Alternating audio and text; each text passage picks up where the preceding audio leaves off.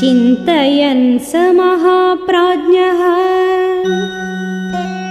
चकारमतिमान्मतिम् शिष्यं चैवाब्रवीद्वाक्यम्।